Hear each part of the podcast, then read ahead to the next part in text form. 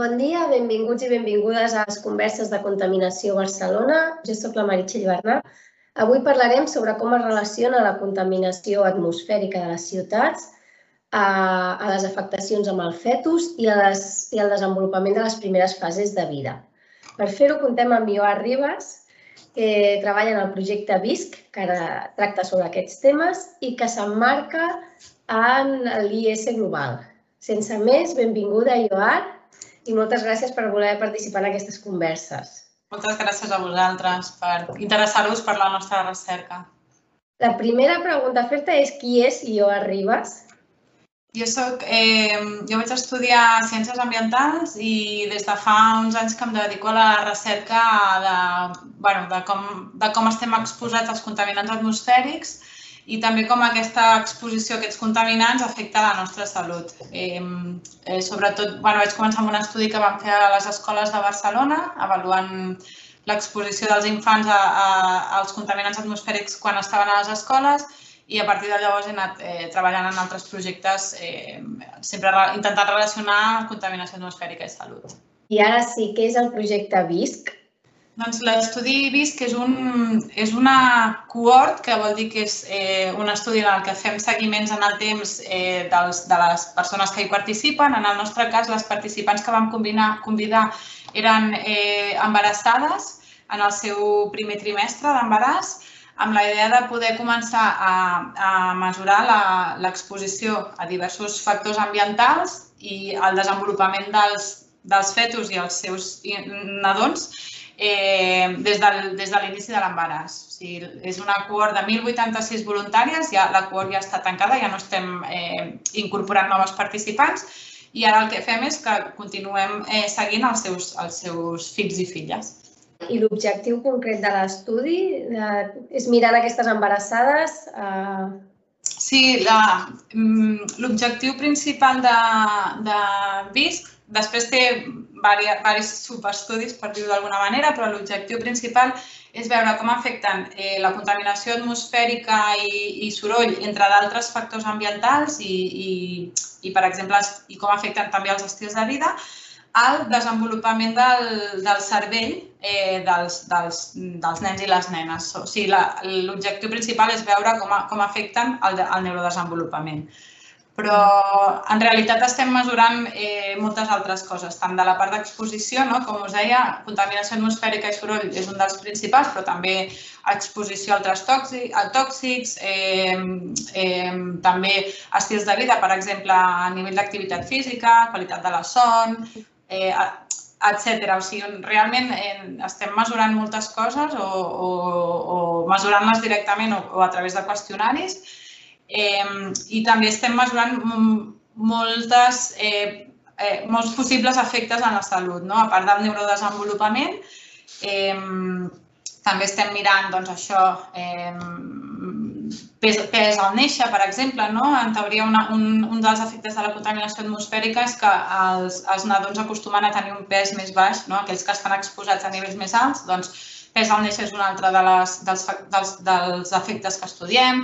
Eh, també tindrem informació sobre eh, temes cardiovasculars, respiratoris, o sigui, la idea és això, anar seguint els infants a mesura que van creixent i anar, i anar veient com afecta la, la contaminació en aquests, eh, aquestes variables de salut. Val. I una pregunta, a les embarassades també els hi mireu algun efecte en, en el, sobre l'embaràs, diguem? A part de, de dels efectes sobre el fetus i els infants que neixen, hi ha algun o no?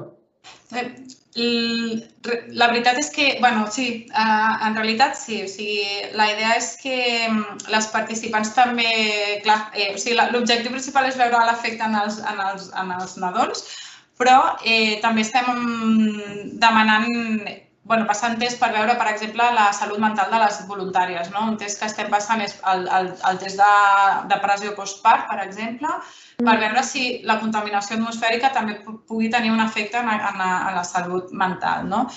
I, de fet, un, eh, les embarassades, les, les mares, diguem, continuen sent participants de VISC i una, una mica la idea és que també les continuem avaluant en el temps, tant per la part de salut mental com probablement altres, altres eh, mesures eh, amb la idea de que també, evidentment, eh, els, volem veure els efectes en els infants perquè el volem estudiar des dels inicis, però sí, sí, també és una oportunitat per veure com afecten aquests eh, factors ambientals a les, a les voluntàries, a les, a les dones, a les mares.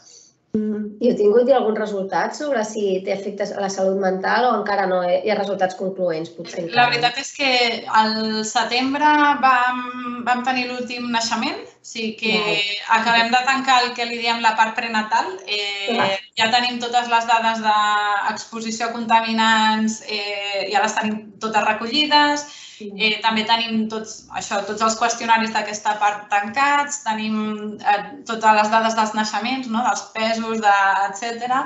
Eh, ja tancats, però ara és una tasca eh, enorme doncs, depurar totes aquestes bases de dades i començar a fer les anàlisis. O sigui que els resultats eh, no. són molt preliminars no, no, i encara i són com descriptives de cada part, però no hem fet l'associació. Encara no podem dir eh, que, quins efectes hi ha a la salut. Bueno, esperarem. Sí, no? haurà d'esperar una miqueta.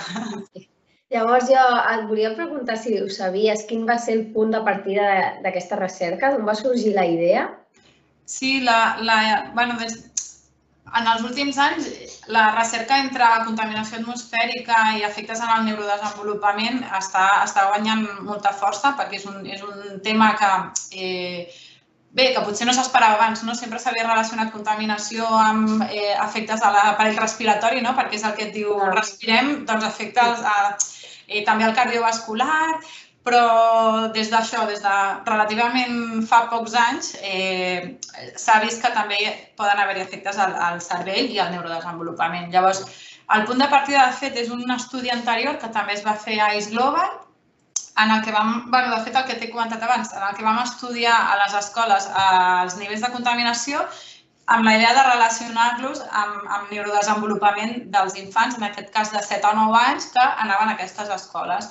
I justament en aquest estudi vam poder veure com aquells eh, nens i nenes que anaven a escoles amb uns nivells de contaminació més alt tenien un nivell de, de, de neurodesenvolupament una mica menor que aquells que anaven a escoles amb un aire més net. És a dir, eh, si, si, si, anava, si els que anaven a una escola amb més contaminació tenien un menor nivell de memòria de treball i un, un menor grau d'atenció. És el que vam poder estudiar a BRIZ, a, a BRIZ que és la, aquest projecte. Llavors, eh, l'investigador principal d'aquest projecte va dir, ostres, bueno, eh, o la pregunta que ens van fer no era ostres, i quan comencen aquests efectes? És una cosa que ja ve des del naixement, o sigui, des de que ens estem formant al, al, al, al ventre de la nostra mare, o és una cosa que és puntual i que, a més a més, és reversible? O sigui, van quedar com moltes preguntes obertes, que és el que ara intentem respondre amb, amb VISC. O sigui, veure des de l'inici què passa i, i com va evolucionant amb el temps en base a les diferents exposicions que, que, que es tenen a l'embaràs i al llarg de la, de la, de la vida. Molt bé.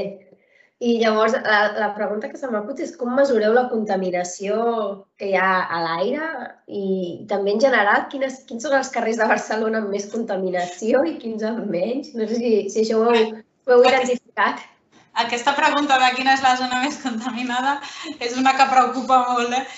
Eh, nosaltres el que hem, el que hem fet és eh, fer mesures eh, molt, eh, és a dir, personals, per dir-ho d'alguna manera. O sigui, molts estudis eh, que volen relacionar contaminació amb salut es basen en, les, en la xarxa de monitoratge que tenim de les, que li diuen les cabines, no? de mesura de contaminació atmosfèrica, eh, que eh, poden ser una bona representació de l'àrea on estan, però eh, volíem anar un pas més enllà i mesurar, o sigui, individualment, quina és la teva l'exposició d'aquestes voluntàries. Llavors, el que fèiem era anar a casa d'aquestes voluntàries i mesuràvem diversos contaminants. Per una banda, mm, teníem unes motxilles eh, que les portaven durant 48 hores, en les que mesuràvem eh, partícules PM2,5, que són unes partícules que estan en suspensió de 2,5 micròmetres o menys, eh, black carbon, que és un tipus de partícula molt relacionat amb, amb les emissions de trànsit, i també NO2, que en aquest cas és un gas, però que també està molt relacionat amb les emissions del trànsit. Llavors, eh, durant 48 hores sabíem exactament què respiraven aquestes voluntàries. I després, a, a part, aquest eh, l'NO2 el mesuràvem durant tota una setmana a, a nivell personal, o sigui, dins d'aquesta motxilla i després ho portaven amb un penjoll, però també a la façana de la seva casa, o sigui, a través de la finestra o el balcó el penjàvem a la façana i també a l'interior de la seva habitació. O sigui que realment coneixíem el seu carrer, quins nivells tenen, la seva habitació on passa moltes hores del dia dormint, quins nivells de contaminació tenen i ella a nivell personal, a mesura que es va movent per tota la ciutat, també quins nivells tenen. Eh, també he de dir que la pandèmia ens ha afectat una mica perquè, clar, hi havia molt de contacte amb les voluntàries i aquí vam haver de reduir una mica. I llavors el que vam fer és que la part de la motxilla no la vam poder fer, però sí que fèiem la part de l'NO2, que era, els entregàvem un kit i elles mateixes ho, ho instal·laven a casa seva. O sigui, els donàvem unes instruccions i... Però no, no, la idea era és aquesta de tenir les mesures eh, individuals de cada, de cada voluntària. I en quant a quines zones són les més contaminades, mm, mm, bé, eh, aquelles on hi ha més trànsit. A Barcelona acostuma a ser la zona central, l'Eixample, també mm, carrers que estan, bueno, les principals vies de, de trànsit, no? Crec que no és cap eh, sorpresa. Eh, a, a Barcelona un dels, una de les principals fonts de contaminació és el trànsit, que és, és la, la que, això, la que genera que els nivells siguin més alts. D'acord. I llavors has comentat que, que mesuràveu partícules de, de 2,5 i black carbon i, i NO2, no? Has comentat, i que són tots tres, principalment els, emet, els emeten els cotxes. Els mesuràveu algun altre contaminant? O mesureu aquests tres? Bé, a, a la, el que són les partícules PM2 i mig, com que les recollíem amb un filtre, o sigui, aquesta motxilla, bàsicament el que hi havia era com una bomba de succió d'aire que estava enganxada a un, a un, bueno, se li diu un impactador, on hi ha un filtre. Llavors, l'aire passa a través d'aquest impactador, però les partícules es queden retingudes en aquest filtre. O sigui que a part de conèixer els nivells de PM2 i mig, que és aquestes partícules, que se li diu PM2 i mig, sabem la composició química d'aquestes partícules. Per tant, Aquí podem saber a quins nivells de coure, de plom, de zinc, de, de, de, bueno, una sèrie molt llarga de, de metalls i d'altres elements eh, estàvem, estàvem exposats. Sí que realment tenim una, molta informació de, però són bàsicament els que hem mesurat són aquests, eh, o sigui, PM2,5 i la seva composició química, black carbon i NO2. Esteu començant a seqüenciar microARNS? I de mostres de la placenta de les embarassades. I et volia preguntar, bueno, primer què vol dir seqüenciar microARNS i després quina informació ens pot donar aquesta tècnica. Sí, um, sí uh, he de dir que aquesta no és la meva àrea, de, de, o sigui, no soc per res experta en aquesta àrea, ho porten les meves companyes, perquè a som un grup molt, molt, molt gran uh, i molt multidisciplinari i jo porto més la part ambiental. Però, eh, bàsicament, els, els microARN ARN són fragments de mida petita d'ARN, però que no codifiquen proteïnes, sinó que regulen eh, processos eh, biològics. No?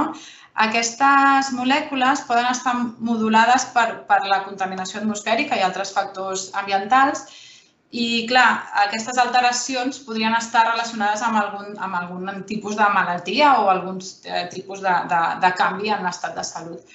Eh, seqüenciar els microRNs et, et permet eh, saber quins són i, i en quina quantitat estan, eh, es troben no, a la placenta. La idea és conèixer, eh, és conèixer, tot, tot, conèixer eh, quins tenim i, i en quina quantitat.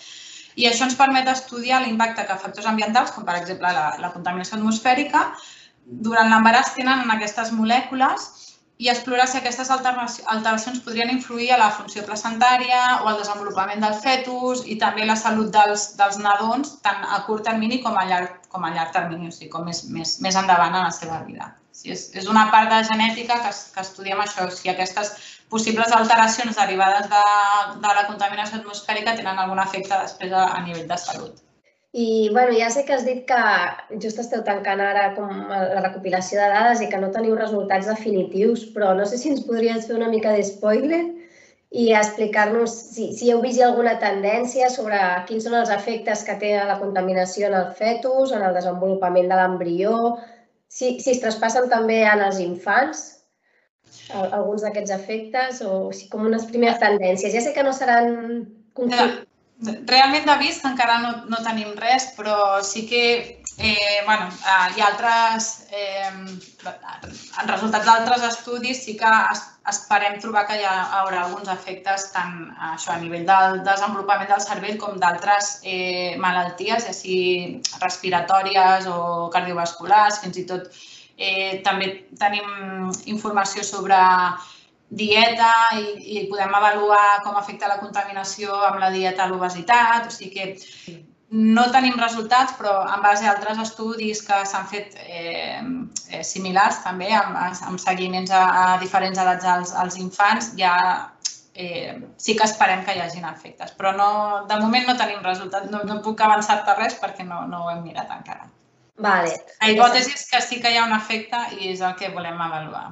I seria la, la concentració, ens has dit, no? Segurament, o...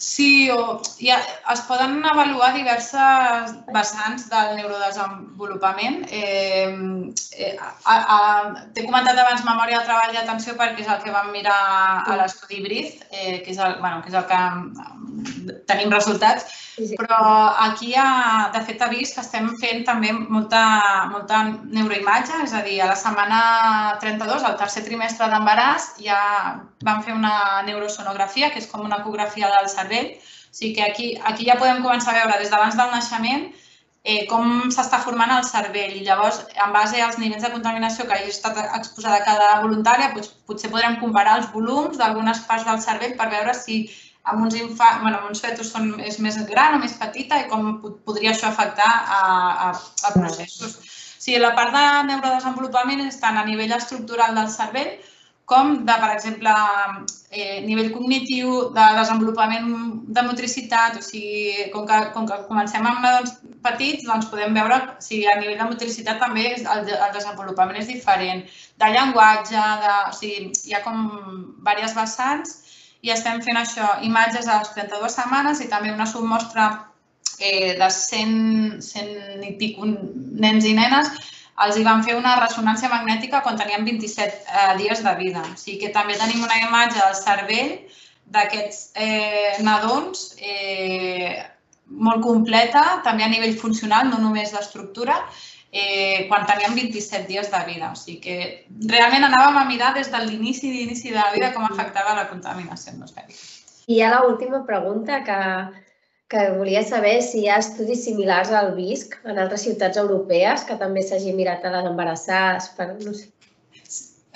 De fet, eh, sí, de fet hi ha diverses cohorts, no? diversos, diversos estudis que fan seguiments eh, durant el temps des de l'embaràs, o sigui, amb la idea d'estudiar després els efectes amb els, amb els fills i les filles.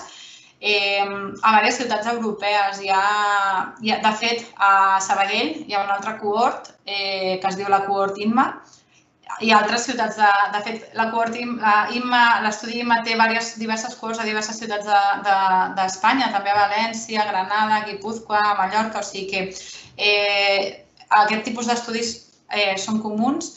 Bueno, comuns. Eh, N'hi ha eh, també a, altres ciutats europees, a, a, a Dinamarca n'hi ha una altra, a, a Holanda hi ha una altra important. Eh, vull dir que sí, sí que n'hi ha més, i, i, ah. però la, la, el que aporta vist que no s'ha fet abans és, és sobretot aquesta part de, de doncs, per exemple, de la neurosonografia a l'embaràs, que la, la resta d'estudis no estaven potser tan focalitzats en, en avaluar el neurodesenvolupament, llavors sí que s'estudiaven moltes coses, molts efectes en la salut, però no tan centrat en el neurodesenvolupament. A VIC tenim aquestes imatges del tercer trimestre d'embaràs, també del, del, al cap d'un mes de vida, les ressonàncies magnètiques, i, i tot l'estudi s'ha planificat eh, amb, amb, amb, amb, tenint en ment aquest objectiu del neurodesenvolupament. Tot i que estudiem altres coses, i, I aquesta és com la novetat d'aquesta cohort que, que, que, que, que hem començat, eh, que hem creat no? dins d'aquest projecte. Molt bé, doncs jo ara hem d'acabar, però no vull fer sense donar-te les gràcies per participar en aquestes entrevistes i res, moltes gràcies, molt interessant el projecte. Moltes gràcies a vosaltres. Si, si voleu més endavant, quan tinguem resultats, podem tornar a parlar i, i ja sí. us, presentem, us presentem més dades. Perfecte, doncs ja us contactarem. Molt bé, doncs, gràcies. A, a tu. Acabem, doncs, avui el podcast recordant-vos que si voleu saber més coses sobre la contaminació a Barcelona, teniu molta informació disponible a contaminació.barcelona.